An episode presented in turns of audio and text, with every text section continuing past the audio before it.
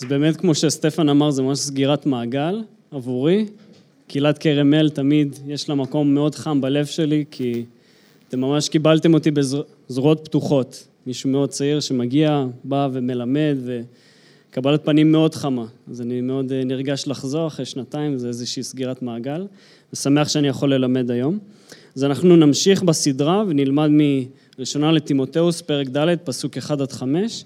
אני מבקש מאשתי תהילה לקרוא את הקטע, ואחר כך אה, נצלול יחד. אז אנחנו נקרא מהראשונה לטימותאוס, ד', 1 עד 5, אם מישהו עוד רוצה לפתוח. הרוח אומרת בפירוש שברבות הימים יסטו אנשים מן האמונה ויפנו לרוחות מטעות ולתורות של שדים באמצעות מטיפי כזב, מתחסדים, אשר מצפונם שלהם כהה כחושים שכהו בברזל מלובן. הללו יאסרו לשאת אישה, ויטילו איסור על מיני מאכל, אשר בראם אלוהים, למען יאכלום בתודה המאמינים ויודעי האמת. הן כל מה שברא אלוהים טוב הוא, ואין לפסול דבר אם אוכלים אותו בברכה, שכן הוא מקודש בדבר אלוהים ובתפילה. אז למי שזוכר ומי שנכח בשבוע שעבר, באספה הקודמת יונתן לימד שאנחנו, כולנו, כל אחד פה, הוא חלק מבית אלוהים, נכון? סיימנו עם העניין הזה שכל אחד מאיתנו הוא עמוד האמת והיסוד. כלומר, שהתפקיד שלנו, של כל אחד מאיתנו, בעולם בתור קהילת אלוהים חיים, היא להכריז את האמת, נכון? כמו, כמו עמודים שמרימים את הגג, את גג הבניין כדי שלא יהיה נסתר, ככה עלינו באמת להכריז את האמת, ומצד שני, להגן על האמת כמו היסודות, נכון? שתומכים בגג כדי שלא יקרוס. ומהי אותה אמת? במילה אחת, היא הבשורה. בשתי מילים, שאול אמר, קרא לזה סוד החסידות, אם אתם זוכרים.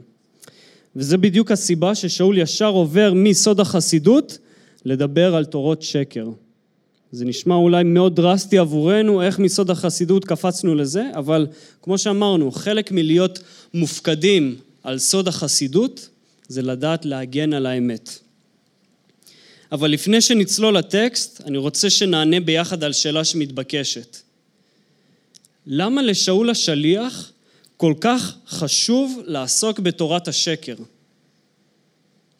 אולי חלקכם גם הרגשתם את זה כששמענו את הקטע, זה קטע שלא כל כך כיף לדבר עליו או לשמוע אותו אפילו. האם זה נובע מזה ששאול, היה בו איזשהו מניע של וכחנות, אולי איזשהו שתלטנות? אולי הוא רוצה להוכיח שהוא עליון מבחינה מוסרית, בגלל זה הוא מדבר על תורות שקר, כדי להוריד אותם למטה ואת עצמו למעלה? אז אני חושב שלא. ואני חושב שהסיבה לזה זה שבכל האיגרת שאול מאוד מדגיש כמה העטפה, הלימוד, נכון? מאוד חשובים בבית הקהילה. והסיבה היא מאוד פשוטה. לרעיונות יש השלכות. לרעיונות טובים ולרעיונות רעים. בהתאם יש השלכות. תשימו לב לציטוט הבא, אני חושב שציטוט מרתק של אה, מי שמכיר, ויקטור פרנקל, היה פסיכיאטר יהודי ששרד את השואה. תסתכלו מה הוא אמר במבט לאחור. אני משוכנע לחלוטין שתאי הגזים של אושוויץ, טרבלינקה ומיידנק תוכננו בסופו של דבר לא במשרד כזה או אחר בברלין, אלא בשולחנות הכתיבה ובאולמות ההרצאות של מדענים ופילוסופים ניהליסטים. במילים אחרות, מה שהוא אומר שהמחשבה הולידה את המעשה. בניית תאי הגזים לא החלו בעת ששמו את הלבנה הראשונה. זה התחיל עוד לפני זה, כשמישהו הגה רעיון כל כך רשעי וכל כך מנוגד למה שאלוהים רוצה שיהיה. ואותו דבר גם היום, ועל אחת וכמה על רעיונות מקראיים. אם אנחנו לוקחים את הרעיון האלוהי, כתבי הקודש, אנחנו מעוותים אותם, יש לזה השלכות מאוד קשות ומאוד כואבות. ולכן זה קריטי שנדבר על תורות שקר, ומה שאנחנו ננסה לעשות בדרשה זה לראות איך שאול בעצם מגיב ואולי מפריך את הטענה של תורות השקר. אז הדבר הראשון שחשוב שנדבר ונבין לגבי תורות שקר, זה את המקור ואת המטרה של תורת השקר. אז תשימו לב בפסוק אחד, כתוב לנו, רוח הקודש אומרת בבירור שברבות הימים תהיה נסיגה מן האמונה, שהיא תתבטא בפנייה ללימוד שקר של שדים ורוחות מטעות, כתוב לנו. במילים אחרות, מה ששאול אומר לנו, המקור של תורת השקר הוא שטני, והמטרה שלו זה כדי שאנחנו ניסוג מתוך האמונה, שאנחנו נסטה ונעזוב את סוד החסידות שדיברנו עליו בשבוע שעבר, שאנחנו ניסוג מישוע, האהבה הראשונה שלנו.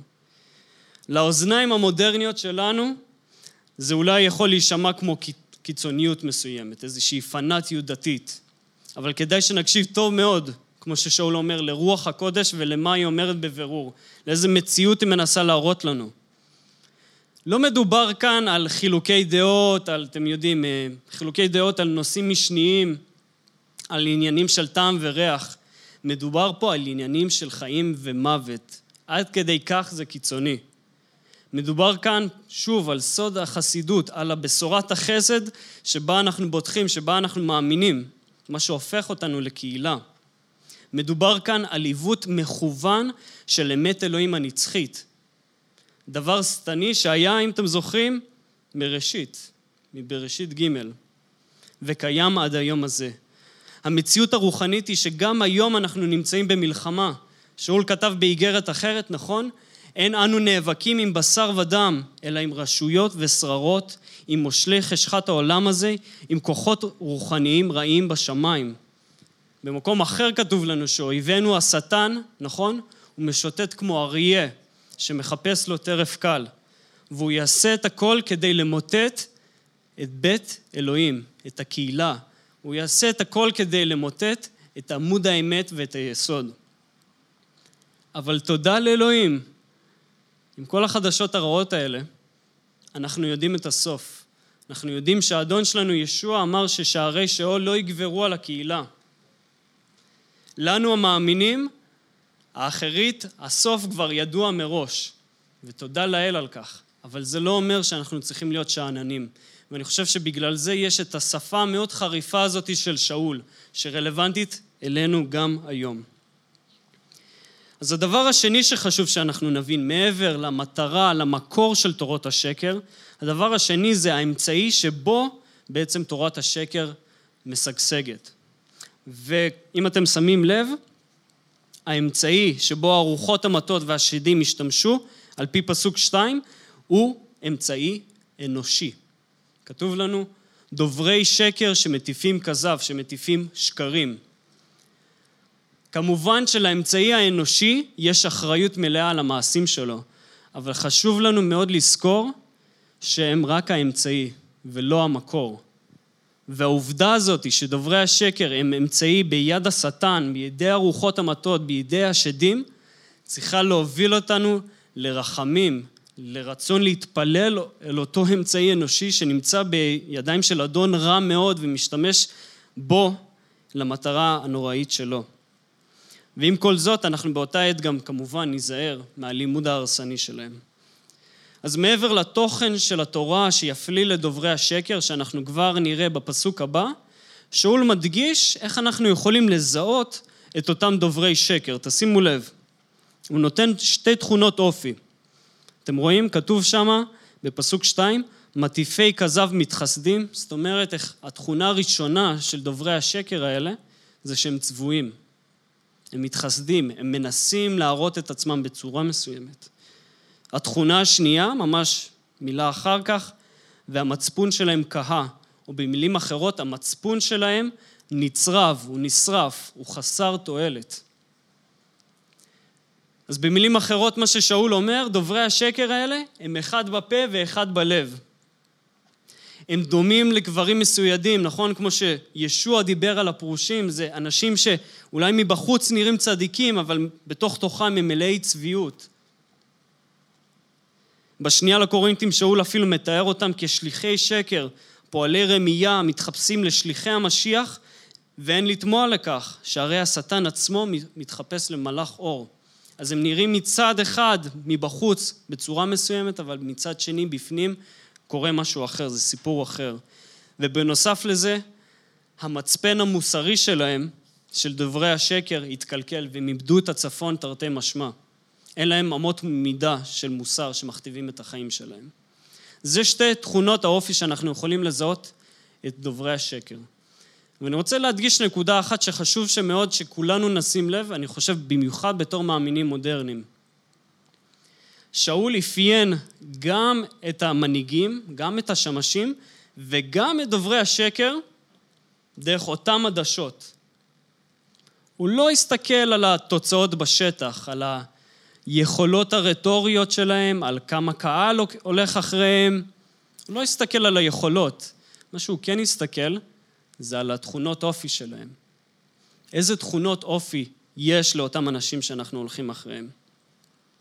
ואלוהים מחפש מעלות ואופי שחופפים לדמותו של ישוע.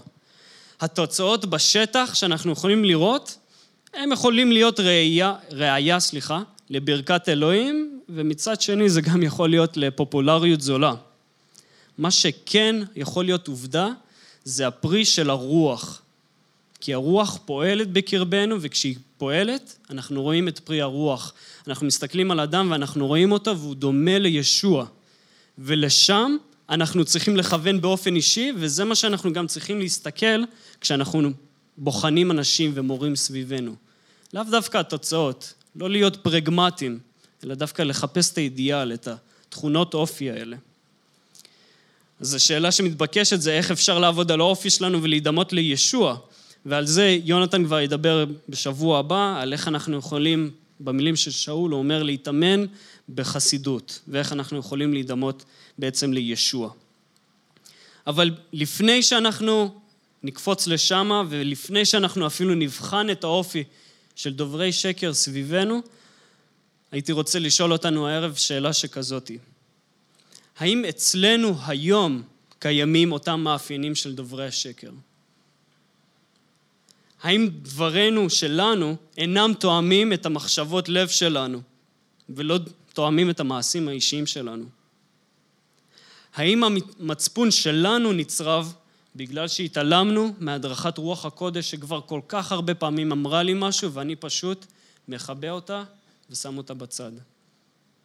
אז בואו נעשה בדק בית באופן אישי ונחזור בתשובה אם צריך. והדבר השלישי והעיקרי שעליו אני רוצה להתמקד מבחינת תורות השקר, זה בעצם התוכן, הלימוד עצמו, שעל על, על הבסיס הזה אנחנו יכולים לדעת. כי הרבה פעמים, אתם יודעים, היום במיוחד בעידן המודרני, אנחנו יכולים לצפות בדרשות באינטרנט, ואין לנו מושג באמת איך הבן אדם ביום-יום. אז מה שאנחנו כן יכולים לדעת זה בעצם התוכן עצמו. אז בואו נראה מה שאול עושה בפסוק שלוש עד חמש. אבי השקר, השטן משתמש בדוברי שקר כדי להכריז את השקר, שהוא במהות שלו עיוות של האמת. תשימו לב, משהו מעניין. אם אתם זוכרים, בבראשית ג', השטן התיר לחווה לאכול את מה שהיה אסור על ידי אלוהים. אבל פה במקרה שלנו, הוא אוסר על ידי דוברי השקר את מה שהתיר אלוהים. הללו יאסרו לשאת אישה ויטילו איסור על מיני מאכל. העיוות פה שונה, אבל העיקרון זהה. גם כאן האויב שלנו הפך את היוצרות. מה שהוא עושה, הוא לוקח את האמת של אלוהים, את האמת הקדושה, הטובה, היפה אפילו, והוא מעוות אפילו רק בזווית קטנה. ואז מפה ההשלכות הן מאוד גדולות. אבל איך דוברי השקר הגיעו למסקנות האלו? איך הם הגיעו למסקנה שלא צריך לשאת אישה, שלא צריך לאכול מאכלים מסוימים? מה עומד מאחורי האיסורים האלה? אז התורה הזאת היא תוצאה ישירה של ערבוב האמונה בישוע עם השקפות עולם אחרות וזרות. כבר באותה תקופה נכחה המחשבה הגנוסטית שאמרה, ממש בפשטות, גשמי, פיזי, זה דבר רע. רוחני זה מעולה, זה מצוין. ולכן מה שהם ניסו להגיד זה, אל תצומו, אל תתחתנו, ואז אתם גם ככה תנזרו ממין. אל... כל הדברים הגשמיים שיש בעולם הזה זה אשליה. אם אתם תצומו, אם לא תאכלו, תוכלו להתמקד בדברים הרוחניים העמוקים, שהם רק לאלה שבאמת רציניים, אלה שבאמת הולכים אחרי ישוע ורוצים להקריב את הכל. זה נשמע קצת, אולי אפילו שכנעתי אתכם באיזשהו מובן, כי זה באמת נשמע באיזשהו מובן הגיוני. אבל מה הבעיה פה? התורה הזאת היא הרסנית, ואני אראה לכם למה. זה עניין של חיים ומוות, כמו שאמרתי בהתחלה, בגלל שהיא סותרת את הבשורה ואת סוד החסידות. תסתכלו כמה פסוקים לפני זה, פרק ג', סוד החסידות, השתי מילים הראשונות של סוד החסידות מתחילות ככה: התגלה בבשר. אתם מבינים? ישוע התגלה בבשר. אם מה שהם מלמדים הוא נכון, פיזי, זה דבר רע, אנחנו בבעיות צרורות, כי ישוע עצמו לבש בשר. לא רק, הישועה שלנו תלויה בזה שישוע מת במצ... מבחינה פיזית הוא מת, הוא נצלב על אה, צלב רומי, והוא קם לתחייה לאחר שלושה ימים בצורה פיזית, נכון? ואנחנו מאמינים שגם אנחנו נקום פיזית, יום אחד, נכון? זאת התקווה שלנו, זה מה ששאול אומר בראשונה לקורינטים. אם אין תקומה מן המתים, לשווא אמונתנו. ולכן, זה לא עניין של טעם וריח, זה לא עניין של חילוקי דעות, זה עניין שפוגע בבשורה שבה אנחנו מאמינים. היסוד שלנו כקהילה, ולכן שאול תוקף את זה נחרצות. ואתם יודעים מה הבעיה בתורה הזאת? שזה באמת יכול להישמע כל כך טוב ורוחני, ואפילו יכולים להיות לזה כל מיני סימוכין, בוא נגיד לזה, תיאולוגיים ומקראיים. אפשר להגיד שישוע עצמו צם באמת במדבר במשך 40 יום ו-40 לילה, שישוע לא התחתן, גם שאול לא התחתן ממה שידוע לנו, נכון? אז מי שבאמת רוצה להיות כמו ישוע, ינהג כמו ישוע. ואפילו אפשר לצטט פסוקים. אפשר להגיד שלא על הלחם לבדו יחיה האדם, כי על כל מוצא פי אדוני, נכון? זה נשמע מאוד רוחני, ולא פלא שהרי השטן הוא אמן השקרים. יש לו ניסיון של אלפי שנים להטות ולעוות את האמת. אז בואו נראה למהות של מה ששאול אומר פה. מה לא נכון בלימוד הזה? ותוך כדי שאנחנו עושים את זה ומסתכלים מפסוק שלוש עד חמש, אני רוצה שאנחנו, דבר ראשון, אנחנו יכולים ללמוד איך אנחנו לא ניפול באותן טעויות שהקהילה באפסוס יכלה ליפול, ושאול, אה, תימותאוס, סליחה. ומעבר לזה, אני חושב שאנחנו, זה גם הזדמנות עבורנו לראות איך שאול מפריך את תורות שקר. כי כמו שאנחנו רואים לאורך ההיסטוריה זה אולי יתפוס צורה אחרת, אולי היום יהיה משהו טרנדי יותר, שונה, אבל חשוב שאנחנו נבין את העקרונות, איך אפשר להילחם כנגד זה. כי כמו שאמרנו, השקר מתחפש בתלבושות שונות ומשקיע הרבה במייקאפ, אבל העיקרון הוא זהה. מדובר על עיוות של אמת אלוהים. אז בואו נשים לב לשלוש הסיבות שלימוד השקר אינו נכון על פי שאול. דבר ראשון, תורת השקר הזאת לא מבינה את מהות הבריאה. נקודה שנייה, המניע של תורת השקר הוא לא נכון. ודבר שלישי, תורת השקר לא מבינה את מטרת הבריאה. ועכשיו בואו נפרק את זה ונבין. אז הסיבה הראשונה, חוסר הבנת מהות הבריאה. תשימו לב, שאול מה הוא אומר? הוא מבסס את האמרה שלו, הן כל מה שברא אלוהים טוב הוא. כמובן הוא מביא את זה מסיפור הבריאה, נכון? מבראשית פרק א', שכתוב שמה, וירא אלוהים את כל אשר עשה, והנה טוב מאוד. נכון? אז שאול ניגש ישר לשורש הבעיה, הוא מתקן את דוברי השקר, בכך שהוא אומר שעל בסיס כתבי הקודש, אנחנו יודעים שהגשמי, זאת אומרת הבריאה עצמה, היא טובה. ולא רעה. ומעבר לזה, לא רק ששאול אומר שהבריאה היא טובה, שאול גם אומר שהבריאה היא קדושה. תשימו לב, פסוק חמש, מה הוא אומר? שהבריאה, או המאכל, בהקשר הזה הוא מדבר, שהמאכל הוא מקודש בדבר אלוהים ובתפילה. ועכשיו בואו ננסה להסביר למה הכוונה הבריאה או האוכל שאנחנו אוכלים או כל דבר גשמי אחר הוא מקודש בדבר אלוהים ובתפילה וכדי לעשות את זה בואו נגדיר שנייה מה זה דבר אלוהים, מה זה תפילה ומה הקשר ביניהם. ואחר כך אנחנו נראה איך באמת זה מקדש את הבריאה. אז דבר ראשון, דבר אלוהים, זה התקשורת של אלוהים עם בני האדם, ותפילה היא התקשורת של בני האדם עם אלוהים, נכון? דבר אלוהים זה ההתגלות של אלוהים אלינו, אל בני האדם. ותפילה, תפילה מתבססת על דבר אלוהים, על כתבי הקודש, נכון? כי בכתבי הקודש אנחנו רואים מהי תפילה, על מה להתפלל ואיך להתפלל. ישוע אפילו מלמד אותנו. אז יש איזשהו קשר. אז לפי דעתי, אם אנחנו חוזרים לשאלה, הכוונה של שאול, שהבריאה מקודשת בדבר אלוהים ובתפילה, היא שהבריאה מקודשת על ידי דבריו של אלוהים ועל ידי תפילה שלנו שמתבססת על דבריו של אלוהים. לדוגמה, אלוהים גילה לנו בכתבי הקודש מה היחס שלו לגבי הבריאה. נכון? שהיא קדושה, שהיא טובה. ובתפילה של אמונה אנחנו יכולים להכריז, כן אבא, אוכל היא מתנה טובה ממך. תודה לך שאתה פותח את ידך ומשביע לכל חי רצון. אתם מבינים? אז אלוהים קידש את זה כבר, בזה שהוא ברא, ואנחנו מאשררים את מה שאלוהים אמר בתפילה ובאמונה. וככה, בצורה הזאת, הבריאה מקודשת בתפילה. ולפני שנמשיך, חשוב לי להדגיש ששאול לא מעודד פה זללנות ולא מעודד פה לשים את היחסי מין או נישואים כאליל בחיים שלנו. לא לזאת הכוונה. בואו לא ניפול באותה טעות של דוברי השקר, פשוט לצד השני של המטוטלת. מה ששאול מנסה להגיד זה שהמתנות האלה, אוכל, שתייה, נישואים, יחסי מין אפילו, הן מתנות טובות מאלוהים וקדושות. ואנחנו כבני אדם יכולים להשתמש בהן כראוי, לפי המסגרת שאלוהים קבע, או שאנחנו יכולים להשתמש בהם ולהפוך אותם לאליל בחיים שלנו. וזה לא לזאת הכוונה. כמובן שהאהבה שלנו למתנה צריכה להיות תמיד מתחת לאהבה שלנו לאלוהים. לאהוב את אלוהים יותר מהמתנה שהוא נותן לנו. אז זאת השורה התחתונה. אוכל, שתייה, מין וכל דבר גשמי פיזי אחר הם מתנות טובות וקדושות מאבינו שבשמיים. והשאלה שהייתי רוצה לשאול אותי ואתכם היום, זה האם אנחנו מזהים את עושר המתנות הפיזיות שאלוהים שולח לנו בנאמנות יום-יום.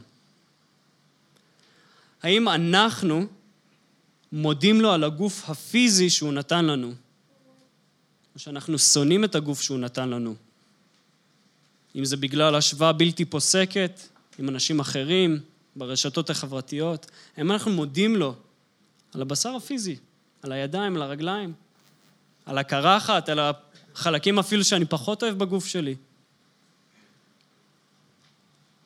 הסיבה השנייה שתורת השקר היא לא נכונה, זה בגלל המניע הלא נכון של הלימוד הזה. אם תקפצו לפרק ו', לפסוק חמש, שאול מרחיב את התיאור של דוברי השקר האלה. תשימו לב איך הוא קורא להם, מה, מה המניע שלהם. הוא אומר, אנשים אשר שכלם מתנוון והאמת נעדרת מהם, שבעיניהם חיי חסידות נועדו להשיג רווח. חיי חסידות נועדו להשיג רווח. המניע מאחורי הלימוד של אל תאכל ואל תתחתן היה כדי להשיג רווח. הם לא לימדו לצום בשביל, אתם יודעים, להתפלל, כמו שישוע עשה. הם לא לימדו, אל תתחתנו למען מלכות שמיים. אנחנו יודעים שיש אנשים שקיבלו את מתנת הרווקות. לא את זה הם לימדו. הם לימדו, אל תאכלו ואל תתחתנו, כי אז יהיה לכם שכר גבוה יותר, יהיה לכם רווח גדול יותר. וזה בעיה, כי זה כל כך זר לבשורת החסד שאנחנו מאמינים.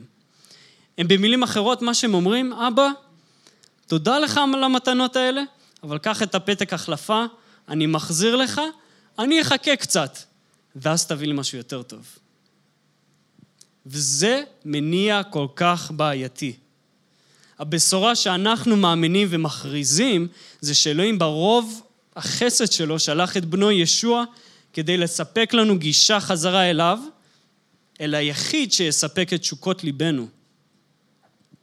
ישועה בחסד, הברכות הרוחניות שיש לנו בישוע והמתנות הפיזיות הטובות שהוא שולח לנו, איך אנחנו אומרים בפסח? דיינו, זה מספיק לנו, די לנו החסד הזה. אנחנו לא צריכים מעבר לזה. ולימוד שכזה, עם מניע שכזה, הוא נוגד את בשורת החסד שאנחנו מאמינים בה. הם רואים את אלוהים כאמצעי שאפשר לנצל. אני אשתמש בך אלוהים, ואז אני אקבל את מה שאני צריך. במקום הבשורה שאומרת אלוהים הוא מי שאתה צריך. הוא ימלא את החור שבלב שלך. והשאלה שאני רוצה לשאול אותנו, אולי אנחנו גם יש לנו נטייה כזאת בלב שלנו להתייחס לאלוהים כמו סנטה קלאוס. אלוהים שמספק לי מתנות, אלוהים שהוא אמצעי, ולא אלוהים שהוא אל חי, אל שרוצה קשר, אבא שרוצה להיות בנוכחות של הילדים שלו. והסיבה השלישית שתורת השקר לא נכונה, תורת השקר הזאת היא גם לא הבינה את מטרת הבריאה. לא רק שהבריאה היא טובה וקדושה, המטרה שלשמה אלוהים ברא אותה היא לעורר בנו הלל, ברכה והודיה. תשימו לב מה שאול כותב לנו. אלוהים בראם למען יאכלום בתודה המאמינים ויודעי האמת. ובהמשך הוא גם אומר, ואין לפסול דבר אם אוכלים אותו בברכה. ובנוסף לזה, אם תעברו לסוף האיגרת, שאול מוסיף עוד מטרה, בפרק ו', בפסוק 17. הוא אומר, צווה את עשירי העולם הזה, שלא ירום לבבם ולא יפתחו באושר שאין בו ביטחון, אלא באלוהים המעניק לנו את הכל בשפע, לשם מה? זה אולי יפתיע חלק מאיתנו, להנאה שלנו. דוברי השקר, לא רק שהם אמרו שהבריאה היא רעה, הם גם לא הבינו שהיא אמצעי בידי אלוהים כדי לעורר בנו הנאה שתוביל אותנו להלל והודיה. במילים אחרות, הנאה מהמתנה של הבריאה מעוררת בילדי אלוהים רצון להודות ולהלל את נותן המתנה, את אביהם שבשמיים. בדיוק כמו במערכת יחסים תקינה בין הורה לילד. אהבת הילד לא תלויה במתנות של ההורים שלו. אבל כשאבא או אימא נותנים מתנה לילד, הילד פשוט, האהבה מתעצמת אצלו והוא רוצה לבטא את התודה בחיבוק, בנשיקה, אולי להגיד תודה אלף פעם. וזאת המטרה של המתנה הזאת. לעורר הודיה, ואלוהים שולח לנו את זה באהבה, וככה הוא גם נותן לנו את הבריאה. הוא נתן לנו אוכל כדי לעורר בנו הנאה, כדי שאנחנו נהלל אותו. אלוהים נתן לנו את המתנה הכי גדולה, מתנת החסד בבנו אהובו ישוע, כדי שאנחנו נתענג בו, כתוב. הוא כל כך אוהב אותנו, שהוא היה מוכן לשלם את המחיר הכבד של חטאינו על הצלב, בשביל המתנה הגדולה והטובה ביותר שיכולנו לבקש ושהוא יכל לתת. חיי נצח איתו. ואם זה נכון לגבי הישועה שלנו, זה נכון לגבי כל ברכה, וגם ברכה פיזית, היא לא פחות מברכה רוחנית. אבל מה זה משנה יונתן? אולי דוברי השקר לא הבינו את המטרה. למה זה כזה בעייתי?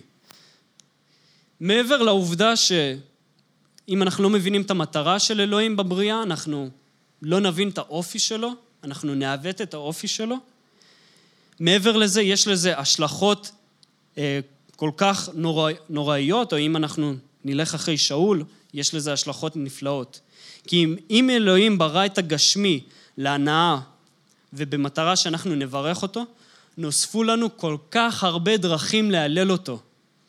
אנחנו יכולים לעשות את זה בשירה, אנחנו יכולים לעשות את זה בתפילה, אבל אם זה כולל גם את כל הרובד הפיזי בחיים שלנו, שאם נסתכל על זה מבחינה סטטיסטית, כמה זמן אנחנו מבלים עם דברים פיזיים בחיים שלנו, זה הרבה מאוד זמן.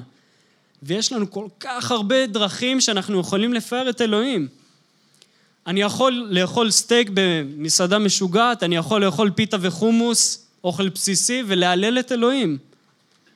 אני יכול ללכת לטיול או ריצה בטבע ואני יכול להודות לאלוהים על הגוף שיש לי, על הבריאות שיש לי, על הבריאה שהוא ברא בנפלאות שלו. אפילו יחסי מין במסגרת נישואים זה הזדמנות שאני יכול להודות לאלוהים.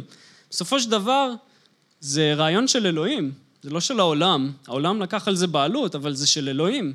ולכן זה גם שלנו, ואנחנו יכולים ליהנות מזה ולהודות לאלוהים. אבל איך אנחנו יכולים לעשות את זה? איך אנחנו יכולים להפוך את הרובד הפיזי בחיים שלנו להלל ולהודיה? תשימו לב לפסוק שלוש. ברעם אלוהים למען יאכלום בתודה המאמינים ויודעי האמת. זה לא רק תלוי במערכת העיכול שלנו או באיברי המין שלנו, זה בעיקר תלוי בפעולה של השכל ושל הלב שלנו. תשימו לב לשלוש הפעולות, להודות בתודה, להאמין ולדעת. זאת אומרת, כדי להפוך את הרובד הפיזי להלל, להודיה בחיים שלנו, אנחנו צריכים להודות לאבינו שבשמיים. אנחנו צריכים להאמין בישוע ובפועל שלו. ואנחנו צריכים לדעת את האמת הכתובה בכתבי הקודש כדי לעשות את זה. במילים אחרות, זה להיות תלמיד של ישוע. זה ללכת אחריו יום-יום ולנצל כל הזדמנות, גם הזדמנות פיזית, כדי להלל ולברך אותו דרך המתנות הפיזיות שלנו. אז לסיכום, אנחנו כבר עכשיו חיים ברבות הימים ששאול דיבר עליהם. האויב השטן יעשה את הכל כדי לעוות את האמת, בגלל שלכל רעיון יש השלכות מעשיות בחיים שלנו. במקרה שלנו היום, מחשבה שאוכל ושתייה הם דבר רע במהותם, סותרת את הבשורה ותמנע מאיתנו דרך נוספת להלל את אלוהים. וכמה עצוב וטרגי זה, אם אנחנו חושבים שאפשר להלל את אלוהים רק ביום שבת. אפשר לאורך כל השבוע. אז קהילת כרם אל, כל אחד מאיתנו הוא עמוד האמת ויסודה. וביחד אנחנו כקהילת אלוהים חיים המופקדים על סוד החסידות, על הבשורה. השטן יתקוף, אבל הניצחון כבר הושג במותו ותקומתו של ישוע, האדון שלנו.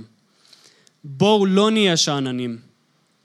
בואו לא נאמץ רעיונות מעוותים על האמת, אלא נגן על האמת ונכריז על האמת בעודנו עומדים על האמת, על ישוע, אשר הוא הדרך, האמת והחיים. בואו נתפלל. אבינו שבשמיים, אנחנו מודים לך שאתה בראת בחסד, ברחמים, בחוכמה שלך את כל הבריאה הזאת, את כל הרובד הפיזי הזה. אלוהים, אנחנו מודים לך שעל בסיס יומיומי, באופן נאמן, אתה מספק לנו את הצרכים שלנו, את לחם חוקנו אתה נותן לנו כל יום. אבא, אנחנו מבקשים, תעזור לנו לעמוד על האמת, תעזור לנו להגן על האמת, ואבא, אנחנו מתפללים, תעזור לנו לנצל כל מתנה כדי להלל ולברך ולהודות לך בחיים שלנו. תן לנו רעיונות השבוע לאיך אנחנו יכולים לברך אותך ולהלל אותך דרך הרובד הפיזי בחיים שלנו. אנחנו מבקשים את זה בשם ישוע. אמן.